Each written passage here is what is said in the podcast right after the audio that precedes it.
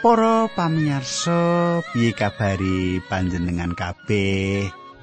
Apa panjenengan apik-apik? Ya, Gusti berkahi panjenengan. Saiki aku nggunakake basa ngoko wae.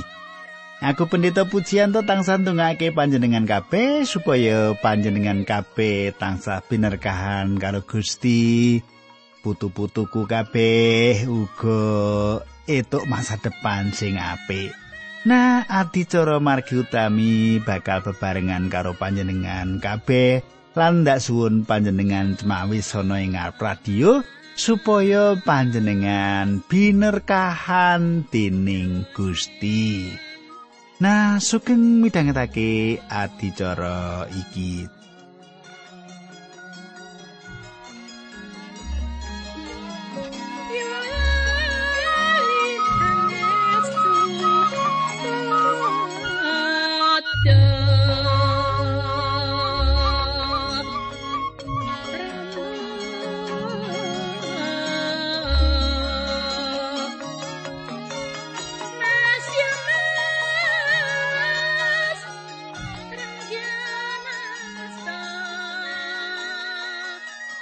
Kadangku ing pepanggian kepungkur ing patemon kepungkur aku wis ngaturake bab Yohanes Pembaptis anggone khotbah ya. Wong-wong maju sing tundone ora balik manang Herodes. Isih kelingan kabeh to? Nah saiki arep tak terusake. Nanging sadurunge tak terusake monggo kita ndedonga dhisik Kanjeng Rama ing swarga kawula ngaturaken gunging panuwun menawi wekdal menika kawula saged sinau anggegilut pangandikan paduka saking Injil Matius. Kawula nyuwun berkah paduka linambaran asmanipun Gusti Yesus Kristus kawula ndedonga haleluya amin.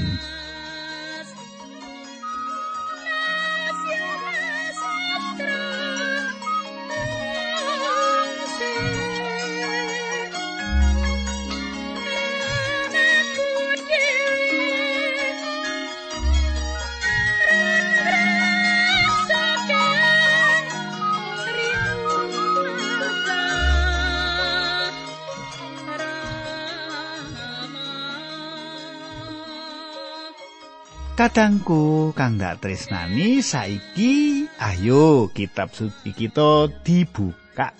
Ya, ing Injil Matius teruse dek wingi. teruse dek kepungkur. Patemon kita kang kepungkur ya ora kok dek wingi ya. Matius telu ayat 10. Iki isih khotbahe Yohanes Pembaptis utawa Yohanan Pembaptis. Watunge wis cumepak kanggo negor wit ing poing oyote, saben wit sing ora ngetokake woh becik bakal ditegor lan dibuang ing geni. Ing perjanjian anyar akeh nyebutake bab woing urip.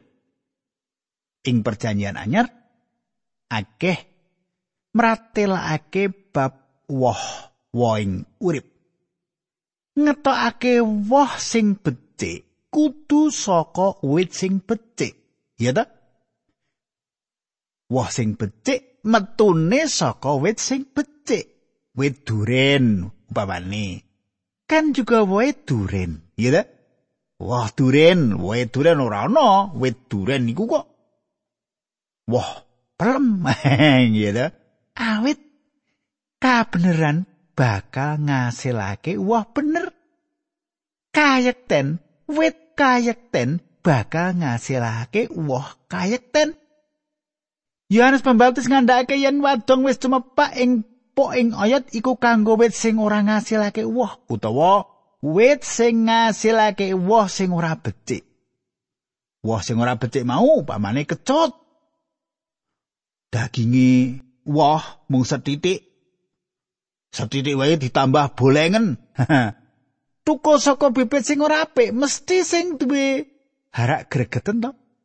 Coba panjenengan ndewit pelem woh akeh ning bosok kabeh. ora seneng. monggo wis diupakara kanthi becik dirabuk didangir oyot sing nancep jero lan manggon ing lemah subur mesti wae bakal apik oyot lan woh ana sambungane saiki ayat 11 Aku mbaptis kue nganggo banyu kanggo mertandani yen kue wis mratobat ninggal dosa-dosamu. Nanging panjenengane kang bakal rawuh sak pungkurku kuwi sing bakal mbaptis kowe srana roh suci lan geni. Panjenengane luwih kuasa ketimbang aku. Senadan menguculi trumpai wae aku ora pates. Katangku Yohanes mbaptis nganggo banyu nanging panjenengane mbaptis srana roh suci lan geni tembung lan sing umure udakara 2000 taun iki bakal dibuktekake nalika Gusti Yesus rawuh meneh yen baptisan saka genising minangka paukuman iku bakal ana.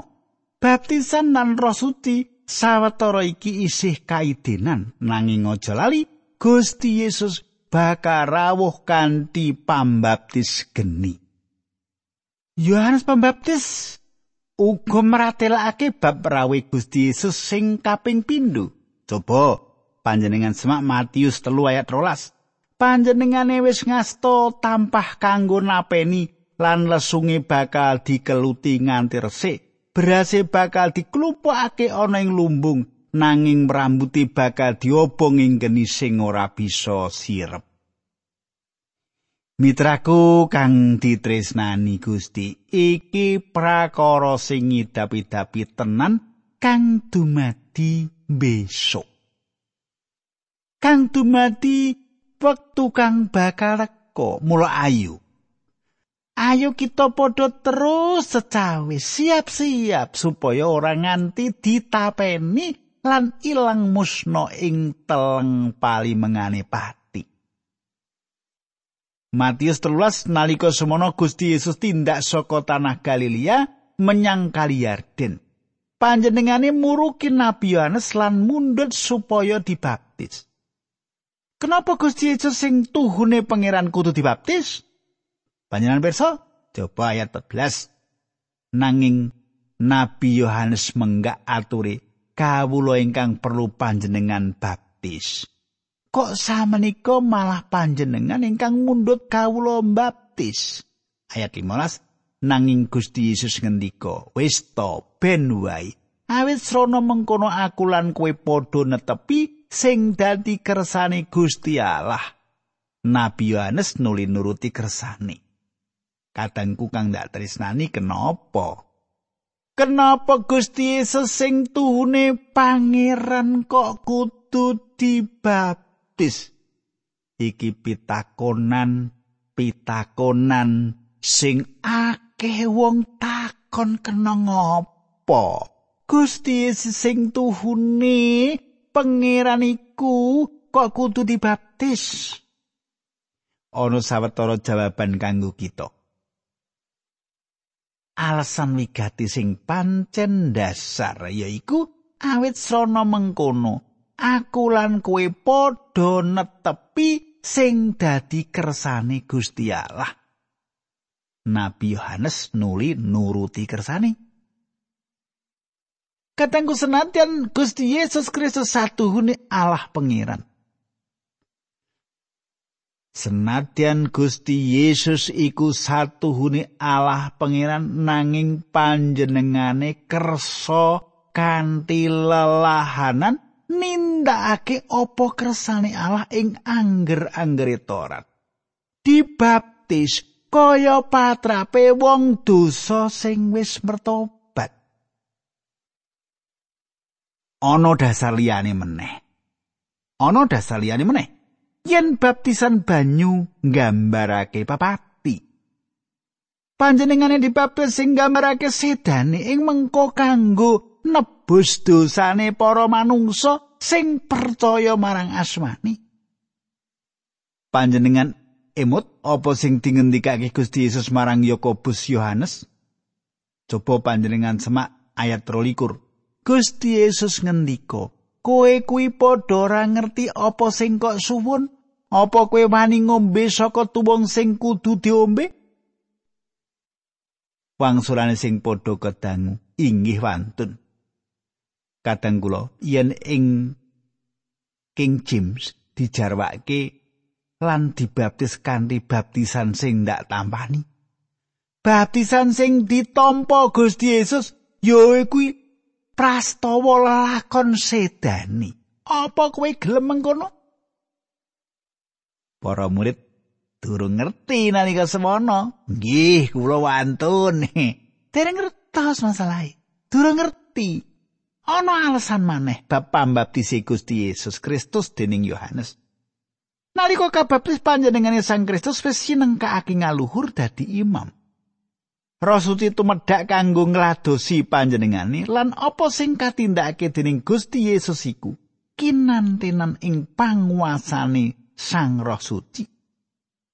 mongko panjenengane wis sumanggem didosakake didadekke dosa karana dosa kita mula kanthi kabaptis panjenengane secara kamanungsan wis pantes nampani panguasane sang roh suci cetha ya Iya, cetha wae. Iya, ngono. Saiki Matius 3 ayat 16. tak wacake teko pitulas yo. Sawise dibaptis, Gusti Yesus mentas saka ing banyu dumadaan panjenengane kawenganan langit lan mirsa Sang Roh Suci tumurun kaya manuk doro nedhaki panjenengane. Ayat pitulas, banjur ana swara saka ing langit, iki putraku sing ndak tresnani, sing gawe renaning penggalih. Lelakon iki nandake wujude Allah Tritunggal. Allah Tritunggal. Gusti Yesus kang miyos saka sajroning banyu nalika kabaptis ing Kali Yordan, Roh Suci sing tumedhak ing nginggile Gusti Yesus sing rupa kaya manuk dara lan Gusti Allah Sang Rama sing paring sabda saka swarga marang sakabeng titah lan makhluk sing ana ing jagat raya iki. Iki putraku sing ndak tresnani sing gawe renaning penggalihku. Katangku Gusti Yesus kapapanake kaya dene para kawulane sing wis entuk kanugrahan kawilujengan sing disebut putrane Allah. Satuhu pangeran Allah sing maringi conto bab andap asor lan katresnan sing luhur. Katanggu sing ndak tresnani. Gusti Yesus rawuh ing donya lan mapan ana ing tengahing donya kaya kita manungsa. Mula panjenengane diasmake uga putrane manungsa.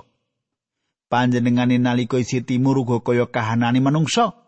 mung siji sing ora dilampahi panjenengane ora kagungan dosa. Nanging senajan tanpa dosa, Gusti Yesus wis kepareng ngrembat dosa kita. Nganti sumanggem kabaptis kaya patrape si dosa sing mratobat. Ing pacoban mengko iki panjenengane dicoba kanthi pepinginan lan jawaban-jawaban nalika ngadepi ulah tandangi si iblis panguasane pepeteng. Tembung pancoban duweni teges rangkep. Siji pacoban duweni teges nggodho. Ngasut utawa menghasut. Kanggo kita manungsa sing sekeng bisa kalah nalika ngadepi pacoban. Nanging Gusti Yesus ora kagungan kasekengan sing bisa dikalahake dening iblis. Yohanes 14 ayat 30. panjenengane suci tanpa dosa mula panguasane pacoban marang Gusti Yesus kudu pacoban sing gedhe nanging kabeh pacoban dibabat srana panguasane pacoban iku uga ateges ujian ing perjanjian lawas. Ngendikake yen Allah nyoba Abraham. Iki lire yen Bobo Abraham lagi diuji dening panjenengane Allah. Gusti Allah nguji imane Bapak Abraham. Nalika nampa pacoban secara kamanungsan Gusti Yesus sing uga satuhune manungsa lan satuhune Allah iku dicoba. Kabeh dadal ora ana pacoban sing bisa ngalahake panjenengane. Yen nganti Gusti Yesus kalah saka pacoban, kita wong percaya ora duwe juru wilujeng sing bisa milu jengake aku lan panjenengan. Sumitraku, kanggo nutuhake kekuatane sawijining barang kudu nglewati ujian. Ana proses quality control supaya bisa dijamin apik lan kuate samubarang. Gusti Yesus uga nglampahi pacoban maneka warna. apa maneh panjenengane nedhake pakaryan sing gawe pangerame-rame wong kabeh. Mula sangsaya nyata yen Gusti Yesus sing sanyata Allah iku satuhune juru wilujeng sing sejati. Kabeh pacoban dikalahake lan pangerame-ram sing ditindakake ora ana manungsa sing kuagang nglakoni. panguji lan pacoban sing wis dilewati kanthi kamenangan sakwutuhe dening Gusti Yesus bisa kanggo nguwatake iman kapercayan kita marang panjenengane sing tuhune Allah iku. Gusti Yesus ora bisa dikalahake sapa wae. Pacoban, tantangan, mungsuh, kuasane pepeteng? Ora ana sing bisa ngalahake. Kabeh padha nungkul tunduk telok ing samparane. Ing sampeyane ing sukune malah pacoban sing dihadapi Adam lan Kawa kabanding pacoban sing dihadapi Gusti Yesus durung pojo-pojo madani Adam lan Kawa dicoba ing sajroning Taman Eden ing tengahing kecukupan lan katentreman nanging Gusti Yesus Gusti Yesus dicoba ing tengah ora-ora samun lan nalika semono panjenengane ing tengahing mangsa poso. Mangsa siam. Saiki ngancik Matius papat ya. Ngancik Matius papat dibuka. Biya gitu. Wah, anu kok Pak Puji kitab suci kula rasa dibuka kok ngene. Niki bab papat sampun wonten niki ya rasa dibuka. Ya. Ayat siji. Sawise mengkono Gusti Yesus banjur katuntun dening Sang Roh Suci menyang ora-ora samun supaya digodha dening iblis. Katanggu, panjenengane dicoba dening iblis. Ayat loro. Ana ing kono Gusti Yesus siam patang puluh dino, patang puluh bengi banjur kraos luwe. Ayat telu. Iblis nuli tekan sowane ngarsane Gusti Yesus lan matur mengkini, sarehne panjenengan menika putrane Allah monggo selo-selo menika panjenengan sabdaaken dados roti. Katangku iki pacoban sing jinise padha karo pacoban tumrap kawa sing sipate jasmania. Pacoban sing mujudake uwa sing narik ati, sing dudut ati lan enak lamun dirasake pacoban sing asipat kedagingan. Matius 4 ayat 4 Gusti Yesus paring mangsulan Wis katulis sing kitab suci, manungsa kuwi uripe ora mung saka roti wae, nanging saka saking sabda sing didhawuhake dening Gusti Allah. Katengku, ayat iki uga ditulis ing buku pangandaring Torat 8 ayat telu.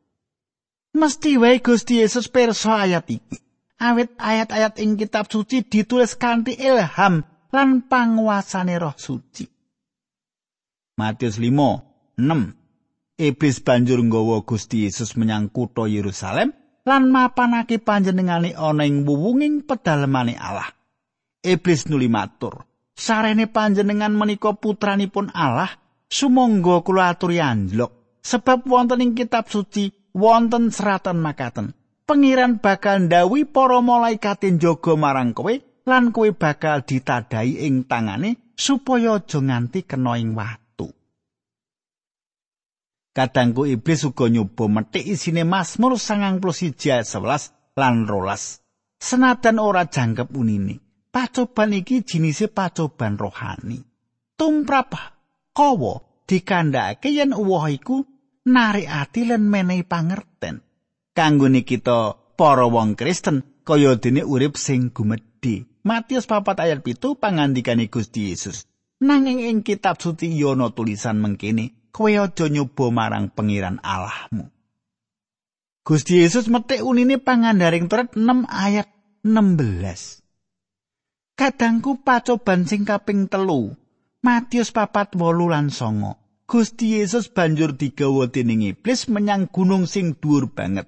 Ana ing kono Gusti Yesus diaturi mirsani sakai kraton ing donya sak kamulyane kabeh.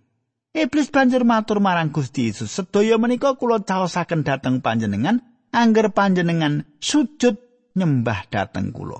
Katangku, iblis nedahake kabeh kraton-kraton sing edipeni marang Gusti Yesus. Iki pacoban sing asipat batiniah. Pancen iblis ngerti yen manungsa duweni kekarapan sing kuat kanggo nguasani samubarang. Kawa kalah dening panglembu iblis. Panjenengan badhe kados dene Allah. Engkang nyumerpi, ingkang sae lan ingkang awon. Kadangku bab pepinginan ati kanggo dadi wong sing nguasani iki asing jlomprongake manungsa ing dosa. asring jlomprongake manungsa marang dosa. Gusti Yesus paring jawaban Matius 4 ayat 10. Gusti Yesus ngendika, "Wis lunga, setan, awit ing kitab suci wis ditulis mengkini, pangeran Allahmu sing wajib kok sembah lan mung panjenengane sing wajib kok bekteni." Gusti Yesus metik saka pangandaring Torat 6 ayat 13 10 ayat 20 kita ngerti kabeh jawaban sing diparingake marang pambitu iblis tansah nganggo sabda sing wis kasrat ing kitab suci. Kaya-kaya kahanan iku mau menehi pangerten marang kita supaya kabeh masalah sing kita adepi kita jawab kanthi permati metik saka unine sabda ing kitab suci. Mula aja bosen-bosen maos kitab suci sebab saka isine kitab dadi dewasa ing iman lan sangsaya diparing kekuatan kanggo ngadepi perkara apa wae. kanthi andhap asur kita mesti padha wani ngakoni yen akeh ing antaraning kita wong percaya ya panjenengan uga aku asring keteteran ngadepi perkara-perkara sing rumit nanging yen kita padha sregep maos lan gegulang kitab suci tansah ana jawaban lan pitulungane saka Gusti Allah Dadi yen saiki akeh ngantarane kita sing padha diajar dening perkara masalah sebabe mung siji kurang utawa ora maca kitab suci. Matius 4 ayat 11. Wusana iblis banjur lunga saka ngarsane Gusti Yesus. Malaikat-malaikat itu muli padha sowan ngladosi panjenengani. Wektu iku iblis kalah. Kalah. Ngibrit ninggalake Gusti Yesus. Lan karo Gusti Yesus wae iblis wani nyoba lan ngakoni yen mesti bakal kalah. Apa maneh marang kita?